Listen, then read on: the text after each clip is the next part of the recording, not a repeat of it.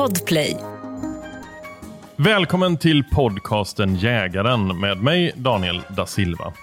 Det här är säsongens sista avsnitt och under den här hösten har jag haft förmånen att få sitta ner i lugn och ro och snacka med en mängd intressanta människor som alla brinner för en och samma sak, nämligen jakt. Anledningen att jag drog igång den här podden var att jag själv som relativt nybliven jägare ville lära mig mer om jakt.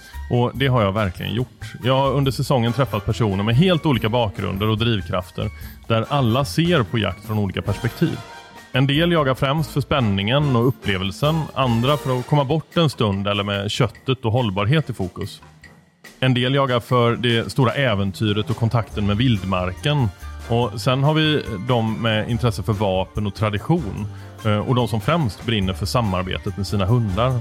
Men hur man än vrider och vänder på det så har jag kunnat konstatera att alla har en sak gemensamt. Nämligen en otrolig respekt för vår natur och de vilda djuren som lever i den. Jag vill passa på att tacka alla er som har lyssnat eh, och som har hört av er under säsongen. Jag har förstått att det är många där ute som, precis som jag, eh, har inspirerats av poddens gäster och det blir jag grymt glad över för det är det som är meningen med hela podden. Så tack för att ni lyssnar och tack för ert engagemang. I det här avsnittet så kommer vi att träffa Lubbe Garell. Den passionerade jägaren som lämnar få oberörda. Men innan vi gör det så kommer här ett inslag med poddens huvudsponsor Chevalier.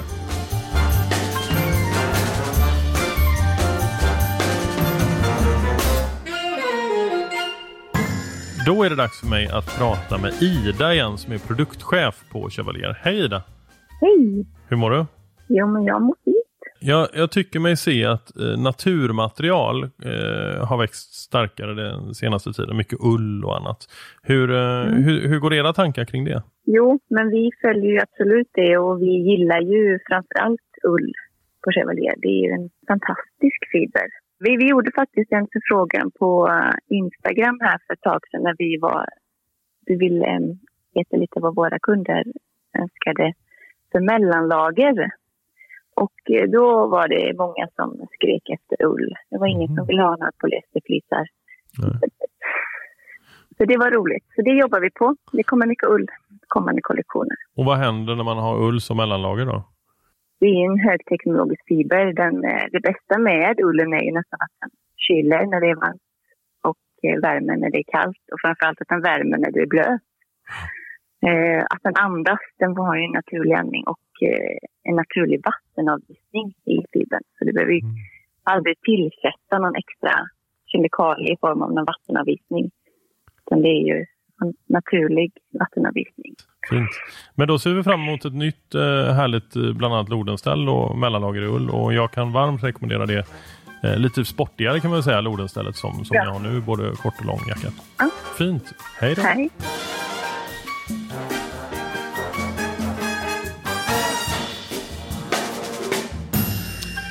Då sitter jag här med Lubbe Garell. Ni har säkert sett honom i en mängd jaktfilmer där han både jagar på land och under ytan.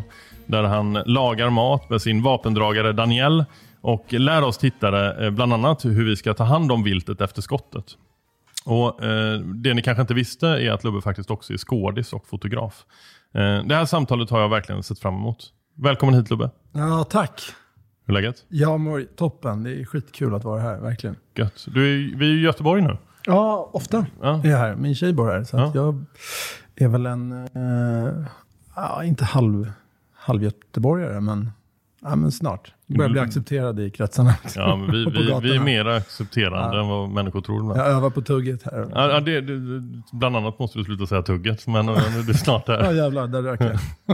Eh, du verkar ju vara en, eh, en passionerad man eh, med många strängar på din lyra. Så det är lite svårt nästan att veta var man ska börja, men jag tänkte att vi börjar som jag brukar börja och prata lite bakgrund. Eh, Hur, hur började jaktintresset för dig?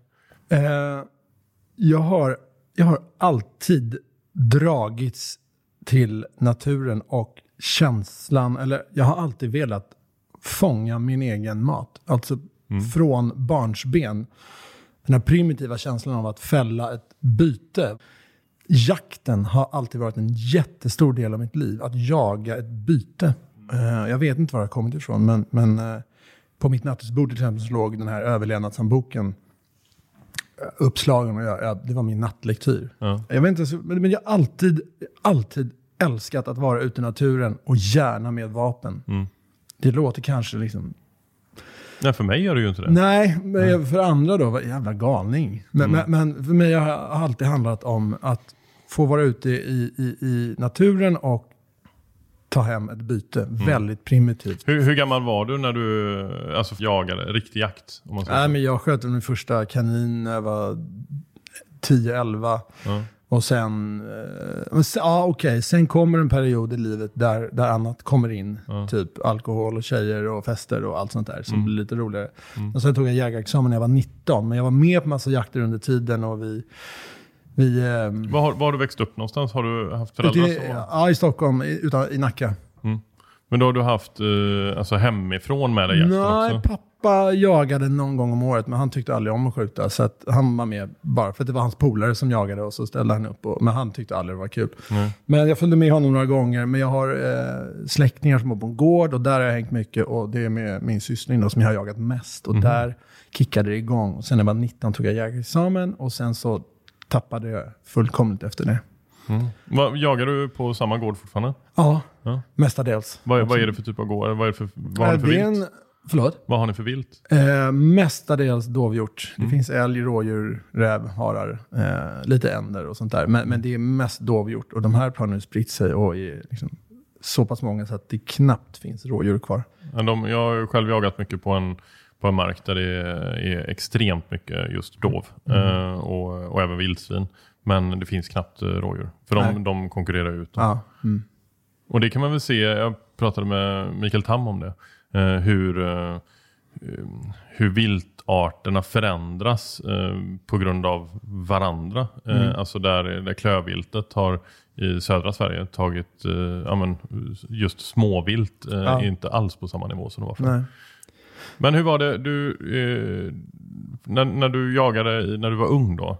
Eh, när du var 11, din första hare. Eh, såg det annorlunda ut då än nu vad gäller liksom drivkrafter? Och, Nej, den har alltid varit, den har alltid varit dramatiskt stor. Alltså en, verkligen en person mm, i mitt liv. Jag har alltid, alltid längtat ut eh, till skogen och Mm. velat vara där. Men på den tiden så fanns inte lika mycket hjort, vildsvin. Så att på den tiden så jagade man eh, hare, räv och rådjur med hagel och långsamt drivande hundar. mm, Eller så jagade du älg Mm. med älgstudsaren. Det var liksom de två jakterna som fanns, förutom fågeljakter då. Men ehm, sen för 20 år sedan, kanske lite med 15-20 år sedan, så kom den här explosionen av Mm. hjort och vildsvin. Och nu eh, använder tyvärr inte lika ofta hagelgeväret som jag gör med kulvapnet. mm.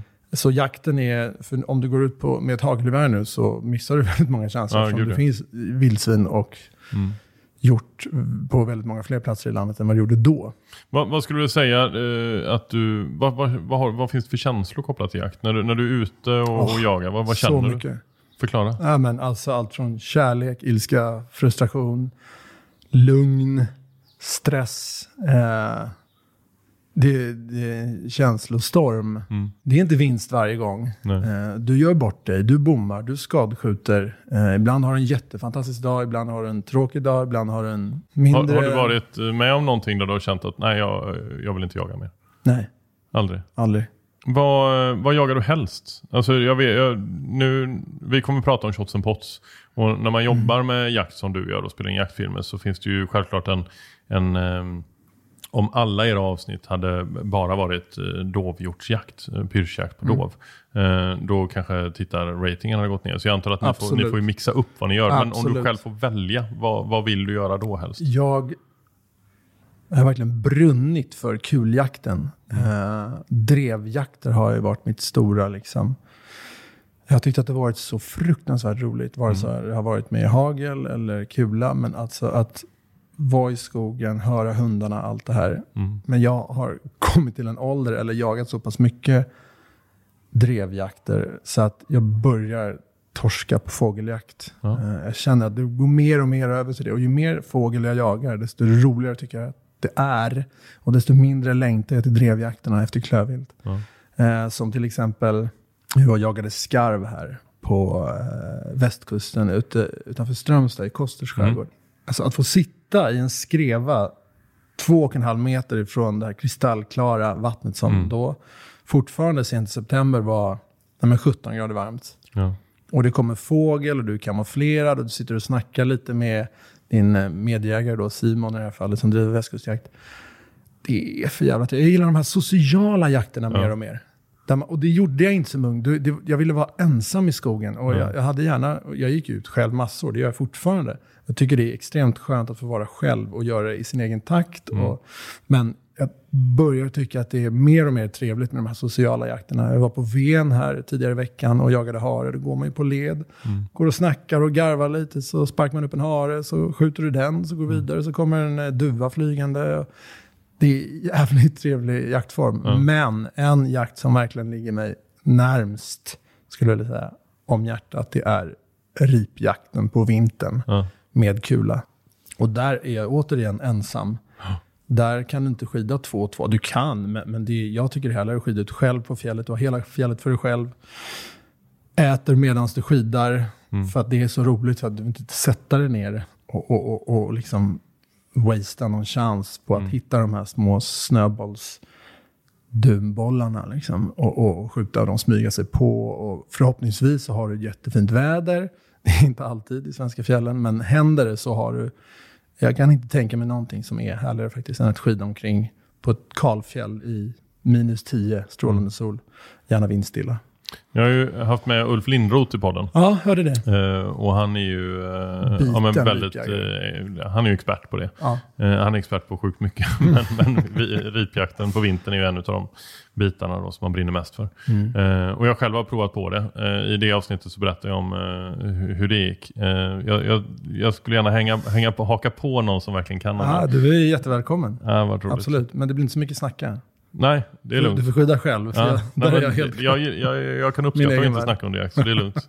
Däremot så hade det varit kul att skjuta någon ripa någon gång Ja, det är fantastiskt. Men just, jag gillar ju jakter. Alltså om du är på en drevjakt så är du inte jägare, tycker jag. Då är du skytt. Ja. Eh, men i det här fallet, som är också pyrschfallet, så är, då, då får du verkligen jaga ditt villebråd. Och det är gud. upp till dig för att liksom läsa alla element och läsa av viltets vanor för att fånga eller fälla, skjuta, döda bytet. Mm. Och det är ju det är en fantastisk känsla när du har fått kämpa. Jag har ju jagat ripa i fem dagar i rad utan att se en ripa. Mm. Jag har gråtit uppe på fjället för jag har bommat i full storm. Liksom. Men sista dagen, tio i fem, liksom, Mm. så har jag skjutit en ripa. Och då är allt det här jobbiga glömt. Då är alla timmar i bilen, alla pengar du har lagt ner, all, alla mil du har skidat är värt absolut allting för den här lilla, lilla fågeln som har två bröstfiléer som är stora som ja, men liksom en mini-catch snusdosa. Ja. Det är, det är värt allt. Du förklarade precis min ripjakt, bara att jag åkte hem i Du gav näst sista dagen. Det skulle jag aldrig göra.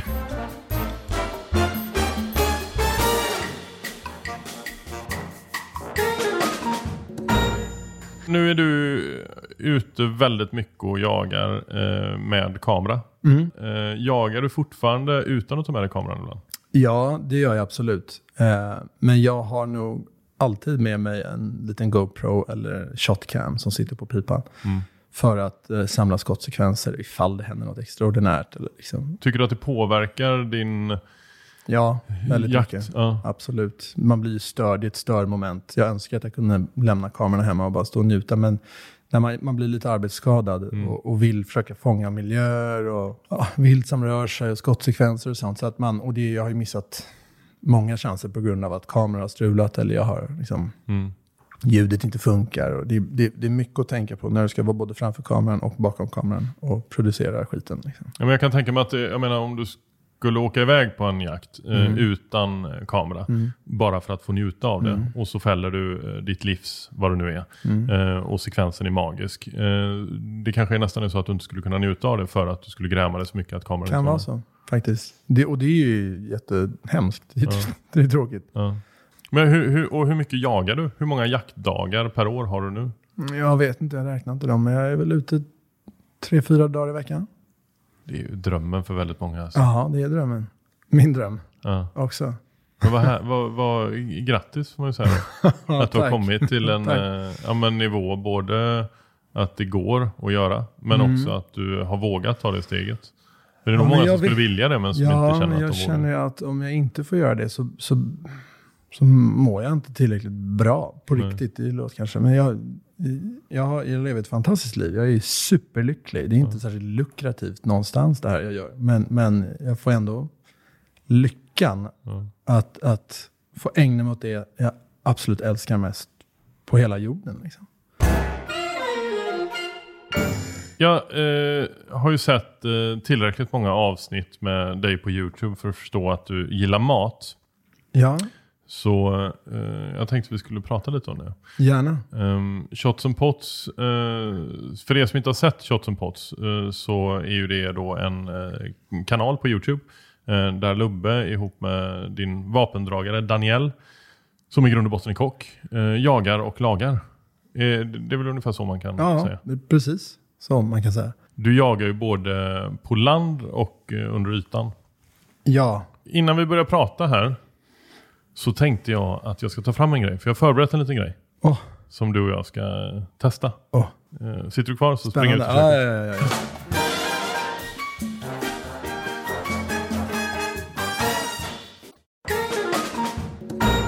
Nej, sluta! Och fy fan vad härligt. Ostrea gigas. Yes. Shit. Eh, 12 Jag dör. ostron. Eh, och sen så har jag min egen lilla komponerade röra till som jag antar att du bara gillar att bara slafsa dem som de är. Med skal och hela skiten antagligen. men, eh, men det är olivolja, eh, citron, lite vinäger och gräslök. Och det älskar jag att ha en liten grej på. Shit vad härligt. Gud. Men, så jag tänkte att vi, eh, även för lyssnarna nu då, Mm. och för mig, mig eh, så tänkte jag att du kunde berätta och visa mig hur man öppnar ett ostron. Mm, som du ser så har jag hack i handen här. Ja. Vi var ju på Koster i förrgår, eller igår kom vi därifrån och jag hade ingen handske så jag, ibland slinter man och så får man små nej, kniv, hack i handen. Det känns som en sån här halvbra start när du Mm. ska undervisa mig nu. Vå- Vågar detta? Eh, nej men jag, jag vet uh, ungefär hur man öppnar ett ostron, men jag är sjukt långsam och jag vet att det finns många tekniker. Mm. Så du kunde berätta hur du gör och sen så tänker jag att så får de stå här. Eh, jag kommer käka max tre tror jag. Ja, Eh, och så Jag tar har du resten. nio stycken som du kan slafsa på inga under, problem. under inspelningen. Blir det bra? Det är toppen. Har du vin? Eh, rött vin. Ja, nej. Nej. Det skulle Daniel aldrig tillåta mig att dricka. Bra, men, men be- berätta. Ja, och okej. sådär. Nej, men eh, då gör man väl så här. Fina de är. Ja, det är ehm, franska, eh, Fin de Claire. ganska stora. Ja, jag tror det är som klassiskt. Här längst bak så har du muskeln. Eh, och så skär du längs med ovansidan av locket. Du har den runda sidan neråt i handen. Så skär du upp. Så skär du av ja, muskeln som de öppnar och stänger med. Mm. Sen så får du skära av, Så av det. in, eh, nu testar jag då. Ja, i- in eh, längst bak. Men där. Ja, exakt. Och så trycker du och håll stadigt så att du inte slinter. För det gör jävligt ont. Så vrider du. Precis. Och just att du juckar och vrider i sidan. Precis, snyggt. snyggt. Sen går du med kniven framåt bara så att du skär av muskeln. Snyggt! Det var okej. Ja, det var ju bättre än mitt. Eh, Vill du testa den här Ja. röran som jag har? Gärna. Eh, då är det... eh, då häller jag lite här. den, den tycker jag Så. är jävligt god på. Jag, är ju lite, jag tycker ju att det är härligt naturell, men det gör ju ingenting med lite smaksättning på. Ja. Skål då. Skål. Vad härligt. Salut.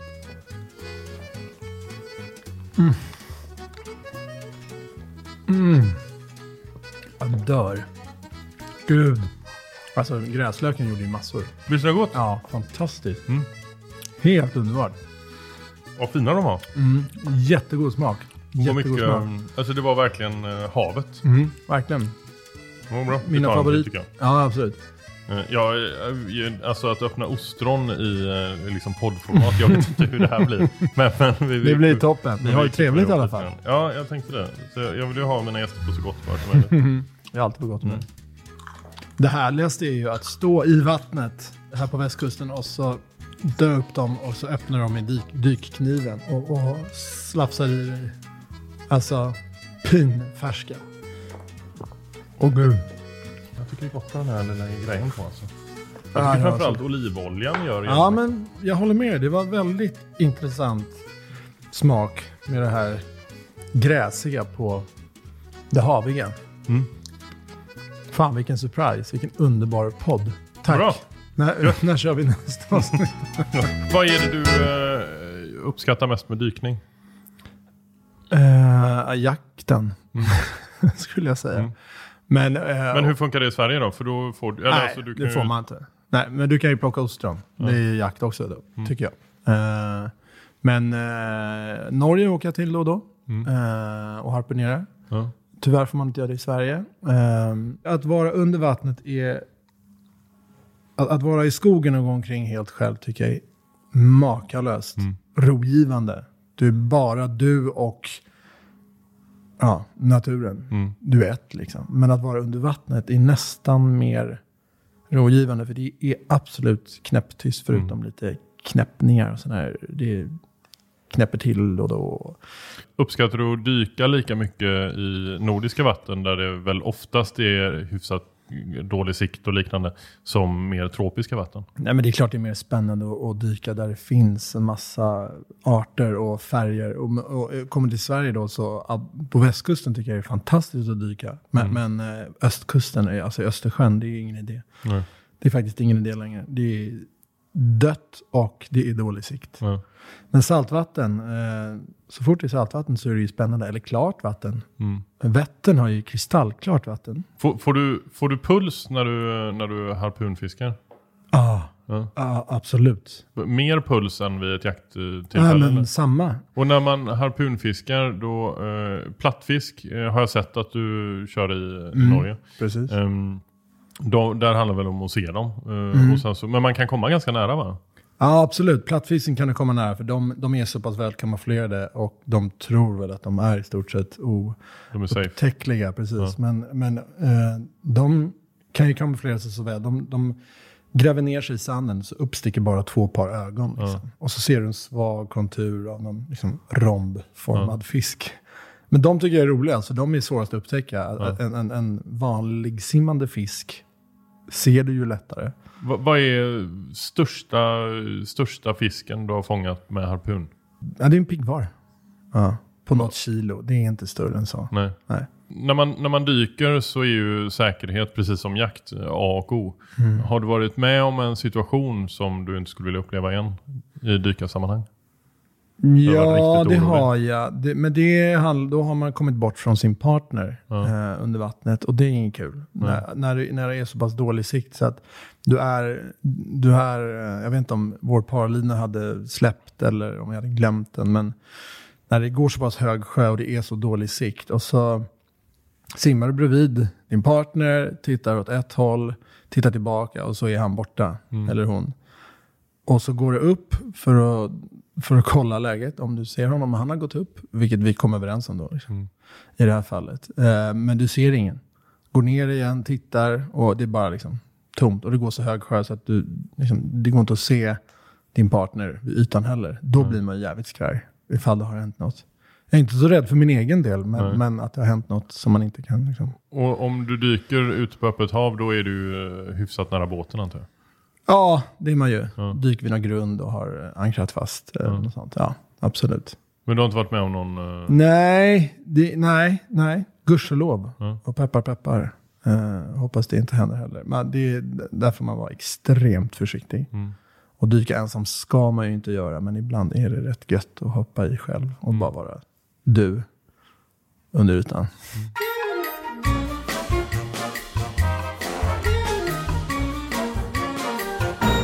Om vi tittar på Shots and Pots Ja, så eh, är ju det en, eh, en succé måste man ju säga. Ni har väldigt många som tittar ah, jo, ja. och ni släpper avsnitt i princip varje vecka. Ja, vi har misslyckats en gång faktiskt. Eh, då blev det två veckors uppehåll, för jag hann inte. Nej. Det var ju så att i eh, våras när eh, epidemin kom Mm. så blev alla väldigt skraja och ingen ville betala. Så att vi fick inte några pengar och jag hade inte råd med en fotograf. Så då kände jag att om vi ska uppehålla det här så måste jag filma själv. Mm. Och det har funkat mestadels. Ibland gör jag bort mig med ljud eller oskärpa eller vad det nu kan vara. Men, men eh, det, har, eh, det funkar när du är på ensamjakter så att säga. Liksom. Eh, just ute och pyschar till exempel. Men det blir ju mäckigt. Menar, du ska ta från flera olika vinklar, närbilder, djuret som skjuts, Det, det tar tid, men Mm. det är värt det och har funkat rätt bra. Men annars är det en gång eh, i veckan, söndagar klockan sju. Mm. Varannan söndag är det jakt och varannan söndag är det matlagning. Vad är re reaktionerna på det ni gör och, och siffrorna? Är det, är det fler som tittar och kommenterar på jaktfilmerna än på matlagningsfilmerna? Absolut, vi har inte alls lika många visningar på matprogrammen som på eh, jaktprogrammen. och det är väl för att jag kanske är en jaktprofil från början. Sen tog jag in Daniel som är ett S, som är hur duktig som helst. Ja. Eh, men jag tror inte att alla jägare som tittar på oss är intresserade av matlagning. Nej. De vill mer se jakt. Men så finns det en stor del av våra tittare som tycker det är jättehärligt. Mm. Så vi har väl hälften av visningarna på matprogrammen som vi har på jaktprogrammen. Mm. Hur, hur är Daniel att jobba med? Underbar. Ja. Eh, vi har verkligen superkul ihop och har blivit jättenära vänner. Och Ja. Love the guy. Men han är ju alltid lite på dåligt humör. Han är? Ja. på, på alltid, sätt? nej, men alltid lite stressad och Ja. tycker det är lite jobbigt. Sen när vi väl kör igång, då släpper det här så har vi kul. Ja. Men sen så är han stressad igen så drar han. Är det så? Ja, men lite så. Men det kanske är lite kockigt, är det inte det? Jag tror är de det. inte alltid ja. lite så här... Ja, men De är kontrollbehov. kontroll. Ja, precis. Allt ska vara rätt och eh, hans, jag får ju slag på fingrarna rätt ofta. Ja, men det liksom, har man, alltså, om man har kontrollbehov i köket så är ju du en av de sista man egentligen vill ha det, kan jag tänka mig. Ja, Som mig vill man inte anställa. äta och nej, nej. slafsa. Ja, och- nej, jag är en gris. Mm. På riktigt. Jag skulle inte få jobb. Eh, Men jag tror också att det blir roligt med oss som, som, Ja, som team. Liksom. Att eh, han är proffset och jag älskar mat. eh, och är okej på att laga mat men har ju noll koll. Sen, sen har ni ju eh, i dina avsnitt då, om man får säga så, alltså jaktavsnitten, så vill du gärna Mm. få in kultur. Eh, och det har jag också liksom uppfattat att det finns ju delade meningar av det bland, bland tittarna. Du gör ju precis vilka filmer du vill. Var, varför har du valt det upplägget?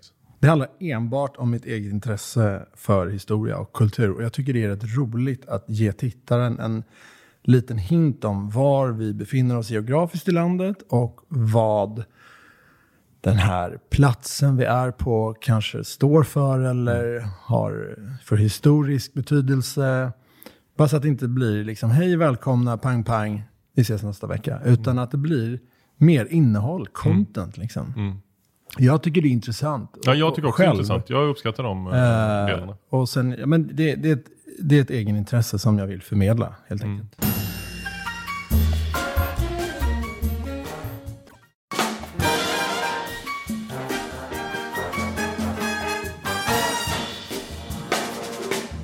Ni har ju varit eh, lite omdiskuterade eh, vid ett par tillfällen. Eh, för, Har att vi? ni, för att ni visar eh, saker som händer på jakt som många andra väljer att inte visa. Mm. Eh, till exempel skadeskjutningar med mera. Vad, vad är din syn på det? Nej, ingenting. Jag, ingenting att dölja. Så, så går jakten till. Ibland går det åt helvete, tyvärr. Det är ingen jägare i världen som vill skadeskjuta ett djur. Eh, Alla jägare, eller de flesta skulle jag säga, har ju en enorm respekt för viltet. Och är djurvänner och älskar hundar och vara ute i naturen. Så att det är ingen som vill att det här ska ske, men det händer tyvärr. Eh, och det händer mig och Daniel och kungen. Och det är ingenting att hymla med tycker jag. Utan, jag menar, om folk ska förstå jakten så ska de förstå allt, baksidan med det också. Vi har inte jagat tillsammans, men jag har ju sett dig jaga. Och eh, vid flertal tillfällen när du kommer fram till ett vilt så blir du märkbart rörd. Hur, eh, hur känns det när du kommer fram till vilt? Ja, det känns precis så. Och det är verkligen inte alltid. Och det är ingenting jag gör för att folk ska... Åh, vad fint att du visar dina känslor, Lubbe. Eller Nej. tycker att jag är en eh, finare jägare på något sätt. Utan det är verkligen sanna känslor. Men det är inte så varje gång. Men ibland kan jag verkligen översköljas av, inte skuld, men lite, ja men här har jag ändå tagit ett liv liksom. Här kom ett litet um, kid springande efter sin get, eller sin mamma då. Och så släckte jag livet på det här lilla kidet. Mm. Eh, och det är ju rätt, det är rätt starkt. Det är ju mycket känslor som, som kommer eh, när sånt sker.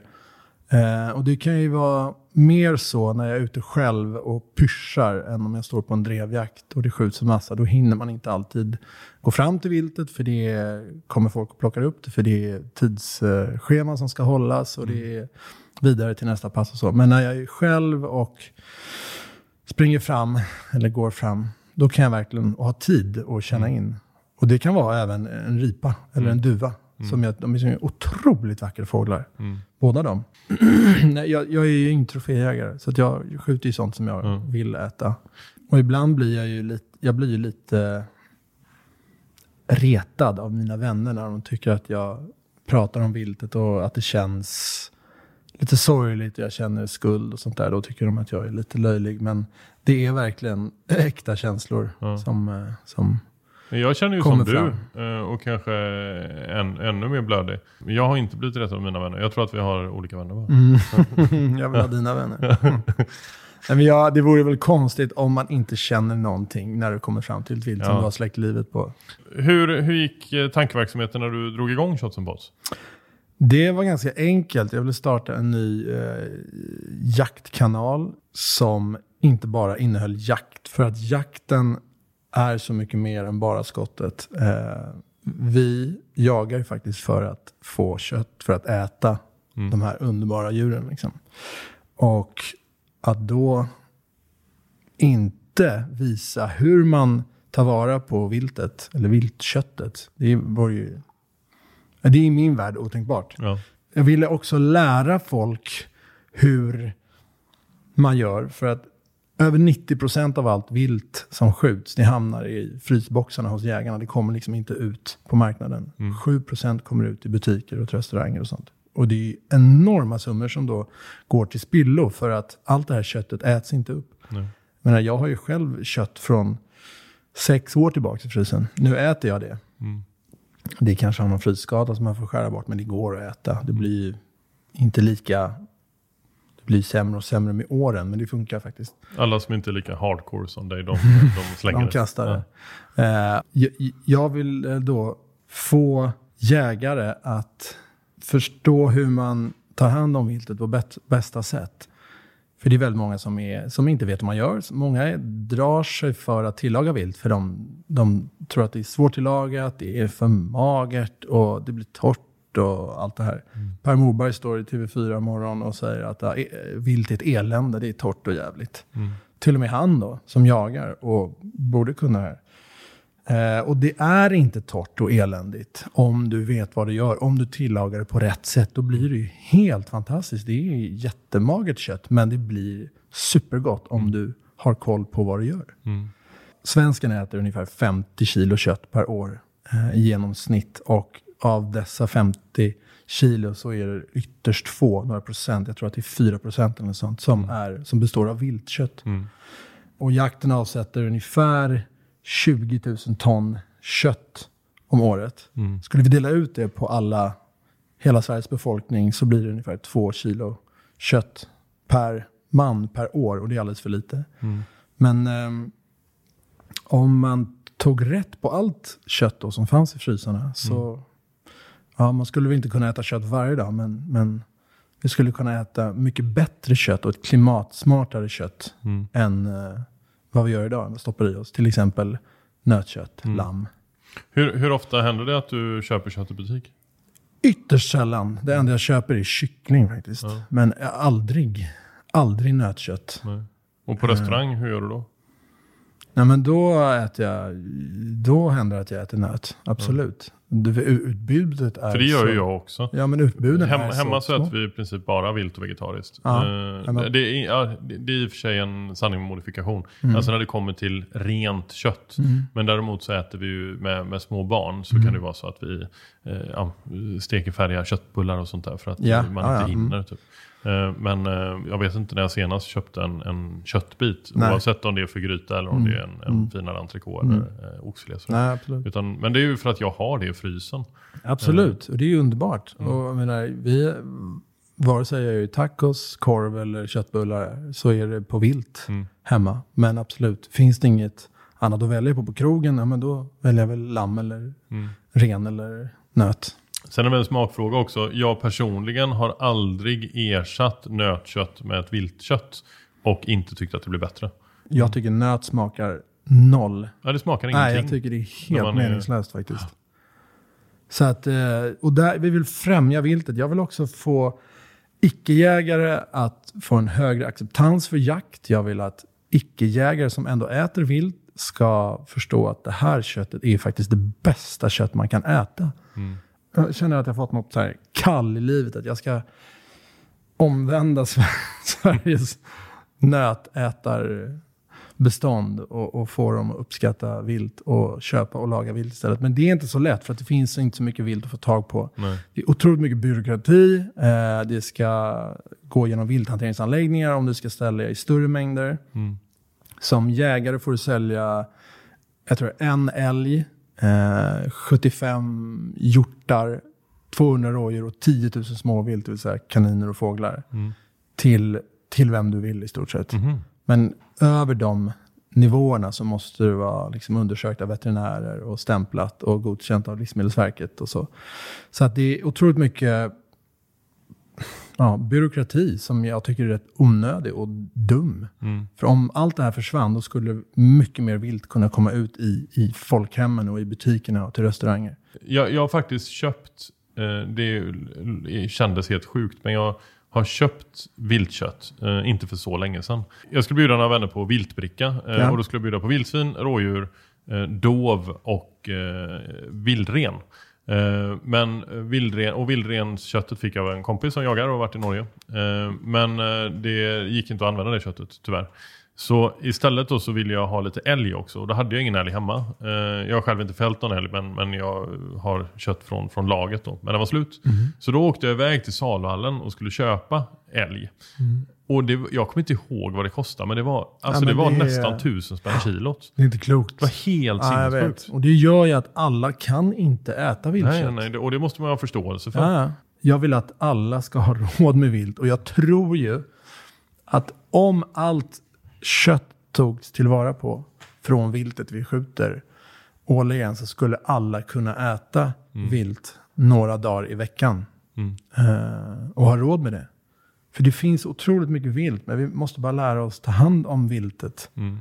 Om Finns det något som du har provat som man normalt inte brukar? Där du vet att de flesta jägare som, som fäller det här viltet eh, tar inte vara på köttet, men där du har testat att göra det. Ja, eh, skarv till Aha. exempel. Det har vi tillagat. Hur, hur blir det? Det blev gott. Tror eller ej. Men alltså bröstet då som vi tog tillvara på. Det luktar stark fisk. Ja, Så starkt så att du inte vill äta det även om det hade varit fisk. nej. Men efter tillagning så smakade det ingenting.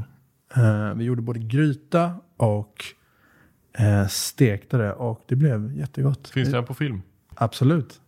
Det har jag faktiskt missat. Mm. Eh, ja, men då, då får man eh, söka upp det Ja, helt sök, enkelt. sök, När ni, eh, ni käkar skarv. precis. Mm. Vi äter skarv Mm. helt enkelt. Eh, och ehm, Säl vet jag att ni har ätit. Ja, så det har vi ätit och det var ju sådär. Men det finns en del på klövviltet som jag vet att väldigt få känner till och ännu fler inte kände till innan vi släppte det här avsnittet. Vi Mm. lagade kalvbräss ifrån dovhjort. Ja, Och det är, jag menar, det är en delikatess. Det är Ja. så exklusivt. Ehm, Var, var sitter den? den sitter precis längs med, mellan liksom, huden Ja. och luftstrupen. Alltså Och precis bakom Finns den på halsen. alla kalvar? Ja. Ja. Det gör de. Alla klövvilt. Och det kanske finns på andra viltarter också. Men klövvilten absolut. Älg, hjort, rådjur. Det finns säkert på vildsvin också. Men där har jag inte, dit har jag inte kommit. Mm. Men att ta hand om kalvbrässen från ett vilt. Det är helt fantastiskt. Och jag tror att ja, men det är väl någon halv procent som tar hand om sina brässar. Liksom. Ja. Det här är bara tills för några år sedan. Jag, jag, jag kom att tänka på att mina föräldrar åt väldigt mycket kalvbräss liksom, Mm. på 80-talet. Det var så här delikat. Nu är det fredag, nu jävlar har vi kalvbräss. Jag tyckte det såg groteskt ut. Det ser ut som en hjärna liksom. Mm. Eh, när du har kokat den. Ehm, och så, så tänkte jag, fan det borde finnas på andra hus. Så jag började Mm. leta och så till slut hittade jag brässen på dovhjortarna som jag sköt. Eh, och den sitter kvar. Den, den ska växa bort efter ett år. Ja. Men brukar sitta kvar. Men smakar den bra tror du även på ett vuxet djur? Om den Ja, kvar? absolut. Ja. Det tror jag. Mm. Men de sitter inte kvar på vuxna djur. Ja, okej. Men, men eh, ett och ett halvt uppåt två kan du nog hitta om du har tur. Ja. Och det var på dov? Det här var dovhjort, ja. Ja. Mm. Men det borde ju då finnas, alltså det finns även på, på älg och rådjur Absolut. och, och kron också. absolut. absolut. Nej, det är helt fantastiskt. Ja, nej, så det, så vi, vi, eh, det är också en dimension. Vi lära Mm. liksom alla att ta vara på allt på djuret. Mm. Har du nu tagit ett liv så ska du banne mig Ja. liksom. Jag pratar mycket i avsnittet med Karl Dreyer. Mm. eh, om detta. Och En av hans favoriter är just kalvbräss. Ja. Eh, då pratade han i och för sig om, om nöt. Men, eh, och sen så pratade vi mycket också om eh, ja, men lever bland annat. Mm. Eh, Mm. På, och framförallt då på, på fåglar. Ja. Eh, och det har jag själv inte, jag har ju typ inte fällt eh, någon matfågel. Eh, jag har inte hunnit med den typen av jakt helt Mm. Enkelt. Eh, och jag har inte varit tillräckligt säker på mitt skytte för att vilja, eh, ja, vilja Mm. jaga på riktigt. Då. Men, eh, men eh, det ska jag ju verkligen testa för jag älskar ju olika typer av Mm. leverrätt. In, inte så här gryta med leverbitar. Men däremot så älskar jag ju leverpastej och, och eh, patéer och sånt. Ja. Hjärta är också en, en, eh, en del av djuret som jag alltid tar tillvara på. Jag tycker Ja. hjärta är fantastiskt. Jag Vad brukar du göra? Brukar du röka det? Eller? Ja, ibland, men ofta bara strimlade, hackade ner i en panna med smör, vitlök, rosmarin. Mm. Eh, det räcker. Så jäkla gott blir det. Vad- hur tycker du det smakar? När du steker det på det sättet, om du jämför med filé till exempel, smakar det? Ja, det smakar mycket mer. Ja. Det smakar mycket mer vilt. Ja. Eh, vi har ju ett avsnitt, tror det var första avsnitt, så skjuter vi en dovhjort och tillagar den innan rigor mortis träder Mm, in. det, det såg jag. Det, är, det var faktiskt bland det mest spännande jag har gjort Mm. när det kommer till jakten. Eh, Hur var det? För det smakar inte köttet, alls lika mycket smakar, va? köttet smakar ingenting. Nej. Det smakar järn. Det är liksom väldigt mycket blod. Ja. Smak, men det är inte äckligt. Men köttet är jättefint. Men, men du gäller att tillaga det. Alltså eld, pannan ska vara varm när du skjuter hjorten. Så att du kan slänga ner det direkt. För det tar inte så lång tid innan det börjar bli segt. Liksom. Sen har ni ju ett avsnitt eh, som jag verkligen uppskattade och det var när ni testade eh, att eh, hänga och eh, Mm. Möra. oli- olika, Mm. mö- möra Mm. eh, olika tider och eh, även olika stekgrader. Då.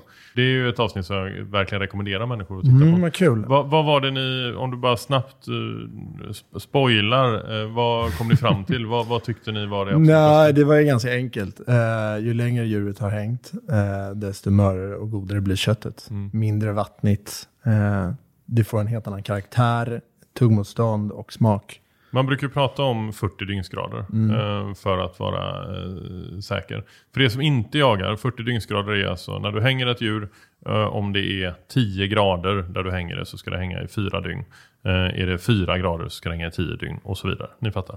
Hur gör du som fäller mycket vilt? Var, var hänger du köttet någonstans? Vi, där jag jagar mest, där har vi en slaktbod där Mm. det får hänga. Och Jag hänger köttet i 6-7 dagar Mm. i genomsnitt. Skjuter du en, en kalv i oktober eller ett kid, det räcker med att hänga liksom, två dygn. Mm. Det är så mört och fint ändå så att det behövs inte mer. Och hur gör du när du, eh, när du jagar eh, fågel? Eh, hur går du tillväga efter skottet då? Jag äter den direkt samma dag, Mm. oftast. Om jag inte, om jag, sen skjuter du 30 duvor, då kan du inte äta upp alla. Så antingen så mm, tar jag ur, bröstar ur dem Mm. eh, direkt, eller så låter de hänga i två dygn. Allt beror på tid. Det tar tid att plocka en fågel och skära ut och det blir Mm. massa fjädrar. Hinner jag inte förbi slaktborden så låter jag dem hänga hemma. Eh, och så tar jag tag i det. Eller ibland så vakuumförpackar jag fåglarna hela. Al- Alltså du, du är ju... Um, man säga macho? Jag vet inte. Nej, men, det ska men, man men inte säga. jag, Nej men inte macho ska man inte säga. Jag är noll men, match. nej men du är ju sådär lite cool. Eh, får man väl säga då. Ja, Sitter men du och flörtar med mig? Nej, ja lite faktiskt. eh, men funkar det? Ja, för fan. Ostron och sådana här komplimanger. här. Jag ska Eh, gå nu. Sen har du väldigt vacker skäggväxt också. Ja, mysigt. Ja, nej, Har du nej, träffat eh, Daniel? ja, det- att Daniel inte är här. Hans djup, djup kolsvarta ögon. Men han har ju usel skäggväxt va? Nej, inte lika manlig Nej, skäggväxt. nej. Bra, men... eh, Men han har hår. Han har hår? Ja, okej. Åh, gött. Eh, säsong två. Daniel, I'm coming for you. Oj, oj, oj. Eh, nej, nej, men det jag skulle säga då var att eh, du känns ju som en person som liksom kör på. Eh, alltså lite instinktivt. Eh, och då tänker jag på, på mat. Då känns det, nu är det inte en förutfattad mening, som att du i princip har provat alla viltsorter råa. Stämmer det? Ja, det kan nog stämma. Ja. Ja. Att du liksom, du, test, du slänger i dig en bit Ja. under, inte passning kanske men... Nej, men äh, vet du vad? Det, det, där, det, det här är lite lustigt. När jag står och styckar, om jag står och styckar tio hjortar en dag, liksom, då kan jag inte äta det köttet rått. Nej. Det måste passera vakuumförpackningen, packas upp och sen kan jag äta det. Har det varit fryst och jag tar upp en ryggbiff eller filé, då skär jag av liksom en tredjedel direkt och, och, och slänger i käften med lite salt eller något. Men, men där och då i slaktboden, då blir det för mycket industri eller för mycket rått. Eh, men annars, jag älskar rått kött. Ja, ja, samma här. Eh, och det här med att äta direkt, liksom. jag tycker det är fantastiskt. Mm. Som i ostronen. Men, men eh, är det någonting som du har provat rått eh, som du känner att eh, det där vet folk inte om? Men det här är grymt att göra en eh, råbiff på eller en carpaccio eller liknande. Nej, Som det, det är, det är väl fågel då. Mm. Ripa, liksom. Ett ripbröst, det, är- det är så mört och fint Mm. från liksom, start. Så att du kan, du kan göra färs av det i handen. Du kan mosa det så att det blir färs. Det har jag ätit rått. Det har jag ätit, ja, det har jag ätit rått på fjället faktiskt. Mm. Eh, bröstade ut, tände en eld och så ja, provsmakar. Man är ju tvungen och, och liksom, Det är lite för härligt för att inte äta rått. Men jag vet att Daniel, han spyr ibland när, jag, när han tittar på mig. Är det så? Ah, han tycker inte alls att det, jag är Även så när du inte fräsch. äter utan bara generellt? Ja, generellt. Men vad, vad, eh, vad är det han eh, inte uppskattar? Han tycker inte att... Nej, men det är det. Jag förstår att folk inte tycker om att äta rått kött. Jag, jag köper det. Men jag tycker det är superhärligt. Ja. Och innanlåret liksom. Det är ju det du gör råbiff på. Men här, och så fort det är malt med en liten äggula och, och senap och rödlök och sånt. Ja. Så går det ju att äta. Men då är det liksom fem minuter tidigare än en, en stek. Ja. Eller en, en köttbit direkt från benet. Ja. Men, men däremellan är det ett jätteavstånd som, som folk inte vill veta av. Mm, ja, intressant. Mm, det är det. Jag tänkte att vi ska prata lite prylar. Ja. Eh, Det vet jag att du uppskattar. Jag Ja. uppskattar det och eh, lyssnarna uppskattar det. Men innan vi gör det, lite snabbt bara om eh, din, din andra karriär, eller dina andra karriärer. Skådisbiten. Jag har sett att du är skådespelare också. Nej, va, vad har du Har jag Men skrivit? du är ju med på IMDB bland annat. Va? Ja, du står upplagd där. Skojar jag gjorde lite research innan. Då står det att du varit med i Solsidan och något annat. Ja, och så någon kortfilm och Ja. lite så. Jag gick eh, i så barnteater i åtta år och sen cirka Kalle Flygare eh, för 15 år sedan. Mm. Och det har alltid varit min stora dröm att jobba som skådespelare. Eh, och det har varit, liksom, det har aldrig blivit något. Det har varit några, några små biroller hit och statistroller. Okej. Hit och dit i olika tv-serier och filmer och sånt där. Men det är superkul, jag tycker om att vara framför kameran. Eh, men jag tror att jag har hittat liksom, min grej, eh, att förena mitt, min dröm då med mitt, eh, mm, min passion. Mm. Och det är då mat och jakt. Mm. Och så vara framför kameran. Men du gillar ju också att vara bakom kameran för du är fotograf. Ja, det stämmer. Jag har jobbat som stillbildsfotograf sen ja, 19, ja, 20, 30, 30 år nu. Ja. Vad, är, vad, vad för typ av fotografering? Eh, reklam, reportage, eh, rest runt mycket och fotat porträtt och miljöer för olika tidningar, reklambyråer. Mm. Jobbade i Sveriges riksdag i många år. Eh, väldigt blandat. Okej, Men inte naturfotograf? Nej, jag har fotat mycket privat, men det är väldigt svårt att tjäna pengar på det och göra någonting av naturbilder. Eh, om du inte satsar och nischar dig helt och hållet. Men det har jag inte gjort, utan det Hur var mycket jobbar du med fotografering idag? noll. Ja, det är så. Ja, nu är det bara shots and pots, nu är det bara jaktfilmer jag jobbar med. Men det är ju fantastiskt att du och några i Sverige faktiskt klarar att leva på sin Mm, passion det är inom, helt underbart. eh, inom jakt. I den, alltså det är många som gör, fast då gör, jobbar de ju oftast med någonting annat inom jakt. Som, eh, som guider eller experter eller eh, håller på med viltslakteri och liknande. Mm. Men, men att faktiskt vara ute och jaga och filma det eh, med en eftertanke. Att kunna leva på det. Men jag vet att det är, det är superprivilegierat. Jag Mm. älskar det. Att kunna leva drömmen liksom. Mm. Och, och få ägna sig åt det man absolut brinner för mest. En annan sak som väldigt många brinner för inom jakt är faktiskt prylar. Ja. Eh, och så är det inom de flesta eh, intresseområden. nörd. Ja, att man nördar ner sig i saker. Branschen, och jag har en fråga som jag har ställt till väldigt många och den är enkel. Och det är hur ser ditt vapenskåp ut? Eller inte hur skåpet ser Mm. ut, utan vad har du i det? Jag förstår. Vapengarderoben, Ja, okej. eh, som man men ta, kallar börja med skåpet. Eller Skåpet du kallar skåpet för Norlix. garderoben? Nej, garderoben är ju det som är inne i skåpet. Jaha. Hur ser vapengarderoben ut skulle du ha frågat. Du hade det skött jag det kallar vapengarderob. För jag har mitt vapenskåp i en walk-in closet. Jaha, så du har en mina- garderob i ett skåp i en garderob? Exakt. Ah, ja. Så när jag säger vapengarderob Stek så menar jag hela den stora garderoben Ah, med kläder. hänger Ah, ah, nej. Okej. Men, Men men har... inne i mitt eh, järnskåp då, så finns det eh, två stycken Husqvarna 1640. Det är alltså min morfars gamla och hans svågers gamla. Mm. Eh, som de fick på en middag av min mormors pappa. Men min morfar jagade inte så mycket så att han gav den till min mammas kusin och när jag fyllde 18 så fick jag den. Mm. Och nu så fick jag även eh, maken till den här för några år sedan. Vad är det för kaliber? N- 96357. Ja. Eh, i- öppna riktmedel och allting. Och den jagade jag med första tio åren. Det gick jättebra. Sen så gick jag över till en Carl Gustaf 1900. Mm. Och sen eh, nu står där två stycken. Har, du, har du kvar Carl Gustaf? Nej, Nej. den har jag inte kvar. Den har jag sålt. Eh, jag har nu två stycken Beretta bockar. Mm. En Beretta halvautomat. Ena bocken är för målskytte, så den tränar jag bara med och den andra jagar jag med. Mm. Sen har jag en Saco Quad, eh, 17 HMR och 22 LR till den bössan. 17 HMR är, använder du på ripa då? Ja, precis. Och 22 uh, lång Använder jag övning? typ aldrig. Nej, okej. Eh, utan det är mest 17 HMR. Ja. Sen har jag en eh, studsare kaliber 308. Mm. En Blaser R8 Success. Och sen har jag eh, halvautomaten Beretta också. Mm. Så där står sju bössor. Och halvautomaten, vad är det för kaliber? 12. Jag älskar den. Och där, använder du den på eh, när du är ute? Ja, men den, är med, den, är, den har ju... För då har du tre skott? Precis. Ja. Den har jag väl mest på liksom, gåsjakt, eh, andjakt, till exempel skarvjakten. Mm. Men nu när jag var och jagade hare på ven, då har jag gärna ett brytvapen så att man kan... Det ser trevligare ut tycker Mm. jag, när det är fler som jagar. Men när jag själv så är det um, camo. Jag tänkte vi kunde prata lite om övriga jaktprylar. Eh, och om jag bara skulle ställa frågan vad, vilka jaktprylar som är viktigast för dig. Mm. Så antar jag att du kommer säga eh, stöd, kikare och liknande.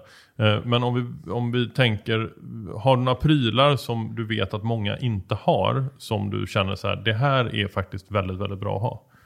En dragsele Mm. kanske. För att eh, det, det är rätt tungt att släpa ut Mm. en stor bock. Eller absolut en, en hjort, en, en dovhjort kan inte dra själv, en fullvuxen hjort. Så där är en, eh, en dragsele rätt, eh, rätt eh, ovärderlig tycker jag. Jag, jag har ju alltid haft med mig dragsele Mm. eh, när jag har jagat. Men då har jag haft mer så här, koppelliknande grejer. Ja. Nu köpte jag faktiskt från äh, Jägareförbundet eh, en sån som man liksom trär på sig. eh, som Exakt. sitter runt Ja, kroppen. är Otroligt stor skillnad. Ja, jättestor skillnad. Så det är absolut att rekommendera. Ja. Men som sagt, stödben, ja, ovärderligt. Kikare, jättebra. Mm. All form av camo tycker jag är bra. Camo, liksom, handskar, mask för ansiktet. Framförallt när det är på, liksom, ja, men till exempel då, gåsjakt, duvjakt. När du absolut inte får synas. Ehm, pysch. Eller det, camo är bra i alla lägen, tycker jag. Det här med kammo, eh, eh, folk som lindar in sitt vapen och håller på. Är det liksom på den nivån man måste köra? Tycker du? Nej, någon det måste du inte. Absolut inte. Eh, jag är ju lite kammonörd Mm. själv. Jag vet ju att det kan ha effekt, men just det här med just... När jag gör sånt så gör jag det för att jag tycker det ser coolt ut. Okej. Jag tycker det ser skitballt ut. Ja. Och vara liksom... Men du kan inte tycka att de här, de här dräkterna som med, med liksom löv på och sånt ser fräcka ut? Eller tycker du det? ehm, När man ser ut som en buske? alltså ser fräcka ut. Nej, de är väl inte assnygga, men de hjälper dig. Alltså det blir Ja skillnad. men det fattar jag. Men jag tänkte, du sa att du såg coolt ut. Ja, nej, nej, ja, men jag tycker ju, jag tycker ju, när man går hardcore in och nördar ner sig, då blir det ju, då blir det ju sex, det blir häftigt på något sätt. Eh, Jag såg faktiskt, för det är ju eh, länge sedan på, på din jakt i jakttid när du Mm. körde Humlegården eh, och skrämde människor med kamodräkter. Väldigt roligt. Det var roligt. Ja. det var skoj. Men Gillisuit, där, där kanske, det har jag faktiskt aldrig använt. Nej, för det kan man inte känna sig Nej, men lövkammo, det är, det är toppen. Ja. Eh, om du, ser- jag, när jag jagar duvor, jag har liksom inget sånt här tält eller spänner upp uh, kammonät. Utan jag sitter, jag sitter i gräset med min lövkammo-dräkt och det funkar toppen. Men sen så finns det ju jaktprylar som, där man verkligen klär upp sig. Mm. Eh, tweed och liknande. Det gillar du väl också? Det kanske, jag tyckte det var lite kul när man var lite yngre. Och fan vad kul att klä upp sig i tweed och slips. Men nu har jag aldrig slips. Nej. Jag tycker det känns... Nej, jag har, jag har noll behov av det. Nej. Jag står hellre i shorts och uppkavlat liksom. Eh, eller camo. Eller och funktionella kläder. Liksom. Eh, det finns ju mycket fina kläder som också är funktionella. Men det blir ofta det blir inte lika rörlig i de här stora tweedjackorna och Nej. sånt där. Eh, så att jag, nej, jag har inget behov av att liksom, Nej. slirren eller knätofsarna eller nickers. Avslutningsvis tänkte jag att vi kunde prata lite om utlandsjakt. Eh, Jag vet att du har varit i lite olika länder och jagat.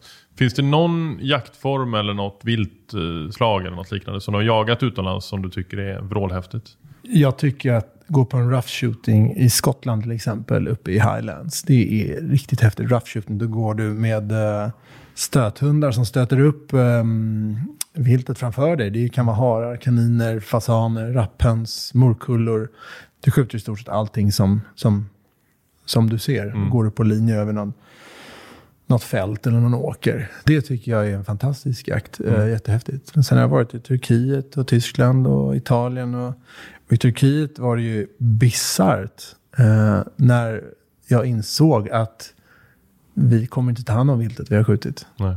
Så jag sköt fem vildsvin på ett pass och blev upphämtad och frågade då, ska, vi inte, ska jag hjälpa dig och liksom ta ur dem eller släpa dem till bilen? Nej, för fan, jag är muslim, jag går inte i närheten av det här viltet.